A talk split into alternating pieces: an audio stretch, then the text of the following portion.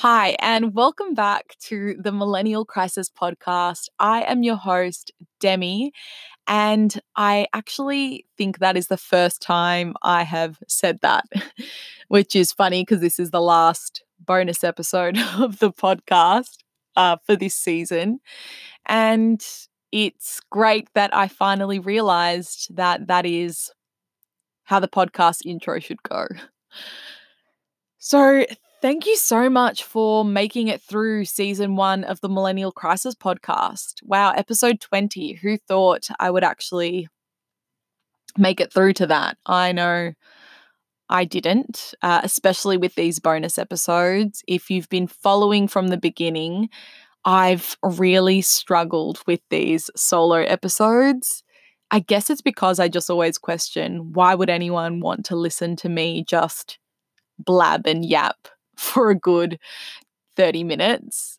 And I have such trouble recording them and going over and over again on re recording something and having to listen to myself way too many times when editing it is just an absolute nightmare. Um, and so I guess because of that reason and because it just hasn't been as enjoyable for me to record these bonus episodes as it has been to record my conversations with people.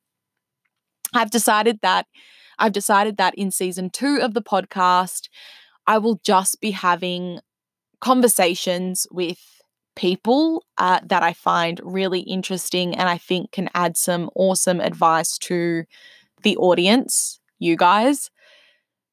But if I do have something important that I want to speak about, I will add a little bonus episode, but they may be about 10 or 15 minutes. So they might just be a little extra.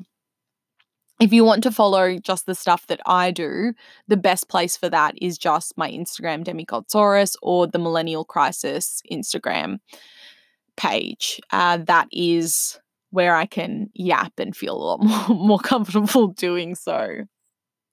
So, yeah, uh, this is episode 20, the final bonus episode of the podcast. And what I wanted to do was round off the podcast and kind of talk about, I guess, what we've learned, what we've achieved, and what is planned for next season. So, I guess uh, if we start from the beginning, I started off this podcast really not knowing what I wanted to do and just feeling really stuck in where I was.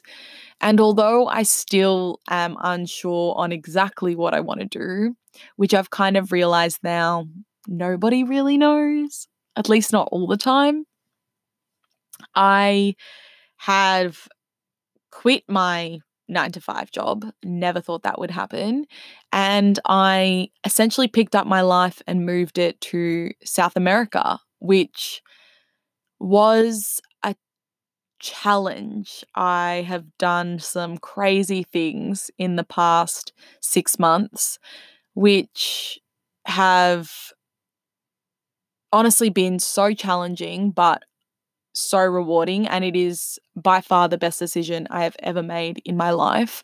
I know last episode, you know, it was talking about the realities of things, but they are all 100% worth it for the experiences that I've had, the people that I've met, the realizations I've had.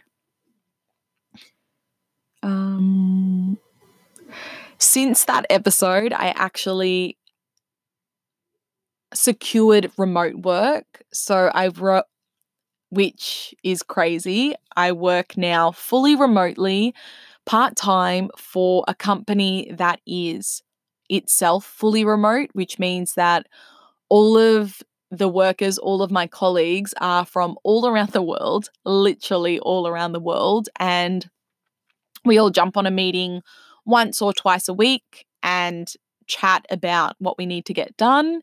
And essentially, we all just get our job done and then regroup and as long as we're hitting our targets that all that's all that really matters and although I don't think that would be the lifestyle I would want to live full time, it is working really well for now. It is helping me fund my travel.